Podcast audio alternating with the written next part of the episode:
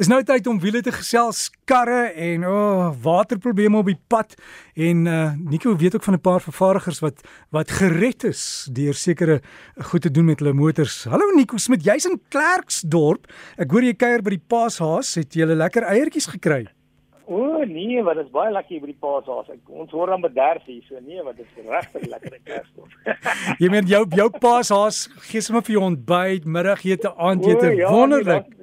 Daar's nou lekker ontbyt wat wag. O nee, dis 'n wonderlike tyd hier in Klerksdorp wat ek sê. Netjie, jy wil gesels oor water, né, en karre. Weet jy wat? Ja, dis ehm um, ehm um, die maklike ding is water en karre gaan nie saam nie. ongelukkig ongelukkig nie. Ehm um, en ek ek was in in Maandag in, in in Durban se werk en ek het by lughawe uitgery in die parkeerarea met my huurkar. En in in die parkeerarea was daar ehm um, so hoe verder ry het water al dieper en dieper geword. En op 'n stadium is die water amper oor die engine kap en ek het besef al wat ek nou kan doen is om aan te hou ry want jy kan ek kan nie terugdraai nie, pad is te nou.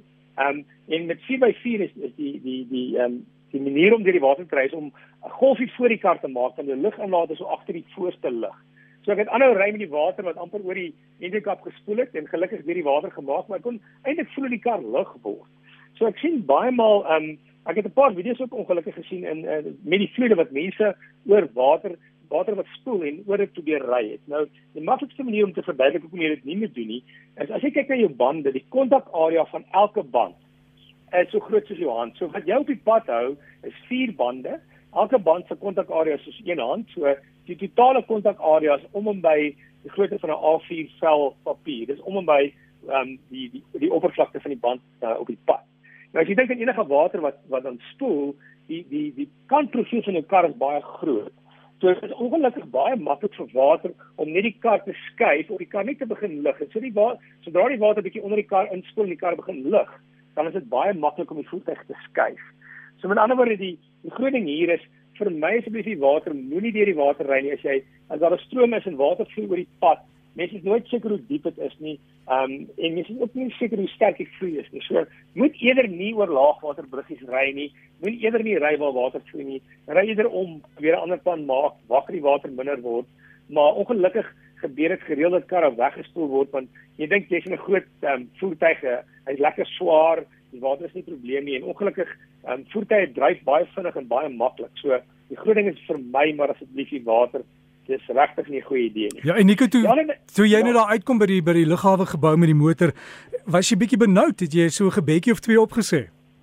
Weet jy wat dit so vinnig gebeur ek was benoud na die tyd, ehm um, ehm um, want ek moes net en um, toe ek daar was, soos ek ek moet nou 'n plan maak want ek het begin ry en regs van my was daar voertuig wat gestol het in die water. So ek het net besef ek kan nou niks doen ek moet aanhou ry en ek het net gehoop uh dat die water nie dieper word nie want as die water dan dieper word en die engine sê bietjie water in is dit verby. En ek weet nie hoe ek vir die huurkarmaatskappy gaan verduidelik. Ek soek nou 'n tweede een want hierdie een werk nie meer nie. so gelukkig vir my, ehm um, het ek dit gemaak. So uh, ja, ek, ek probeer maar oor die algemeen, jy weet water en karre gaan nie goed saam. En uh, Dit ek weet jy weet hoeveel vervaardigers was al naby aan bank, bankrotskap. Jy weet vandag dink ons aan aan baie vervaardigers en hulle die vervaardigers is baie sterk. Hulle verkoop baie karre. Dit gaan baie goed. Maar 'n hele paar vervaardigers was amper naby aan bank, bankrotskap as dit nie was vir 'n 'n splinter nuwe model wat hulle ehm um, bekend gestel het wat baie suksesvol was. Een van hulle is Volkswagen. In die 1940s tot 60s het hulle baie goed gedoen met die Kever of die Beetle.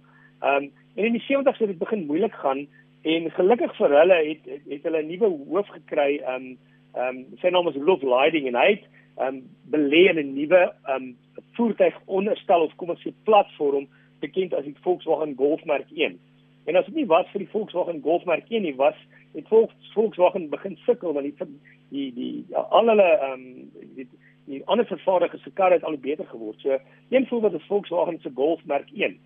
BMW ook in die 1950s is in die moeilikheid. Uh, BMW het in die 50s potte en panne um, verkoop om in die lewe te bly as 'n vervaardiger, motorvervaardiger. En die karre was nie baie suksesvol nie. Uh, en in 1959 het hulle die BMW 700 uh, bekend gestel aan die Frankfurt Motor Show. Ehm um, dit was 'n voertuig, 'n klein voertuig met 'n engine agter, eintlik maar 'n motorfiets engine. Ehm um, dit was 700 cc motorfiets engine, maar as gevolg van hierdie BMW 700 het hulle uh, 100 188000 BMW 700 verkoop en dit het hulle weer gehelp om om aan die gang te kom. Aston Martin is 'n ander voorbeeld van 'n vervaardiger. Um, in die 80s het hulle bietjie ook hulle pad verloor en in 94 het Ford die Ford motormaatskappy uh, Aston Martin oorgekoop. En die ontwerper uh, Ian Callum het um, die die 'n nuwe uh, voertuig ontwikkel, 'n nuwe um, Aston Martin dit was die DB7 dit was um, gebaseer op die Jaguar X, XJS en dit was 'n baie suksesvolle kar wat weer ook vir Aston Martin gehelp het. Hulle 7000 verkoop wat nie baie klink nie, maar jy moet onthou hierdie karre was amper by op in daai tyd 70000 pond. Ehm um, na die DB7 natuurlik was die DB9 en dit het daai keer voertuie gehelp om Aston Martin heeltemal weer om te draai. Dieselfde met Porsche, hulle was ehm um, amper bankrot bankrot in 1992. Hulle het ehm um, um, verskillende voertuie gehad en die die verkoop het af ehm um, dit het begin slegter en slegter gaan en in 1993 het hulle die Porsche Boxer bekend gestel. Ehm um, en wat hom verskillend gemaak het, is vir die eerste keer het hulle 'n waterverkoelde engine gehad want al die ander voertuie was lugverkoelde engines. So hierdie waterverkoelde engine en 'n klein sportmotortjie, ehm um, kon hulle ook deel met die die volgende 911 en en dit het ook gehelp om um, Porsche aan die gang te hou en hulle deur die bank bankrotskap te lei. Net uh, weet in die 2000s het natuurlik die Porsche Cayenne bekend gestel en tans is die Porsche Cayenne Porsche se uh, los los aan hulle beste verkope. En die laaste vervaardiger voertuig wat ook 'n vervaardiger gered het, was in 1949 Ford. Ehm um, 1947 is Henry Ford oorlede en sy seun was 28 toe hy oorgeneem het en ons klaar dat hulle geskuif na derde plek in Amerika en um, hulle verkoop het, het baie slegter geword.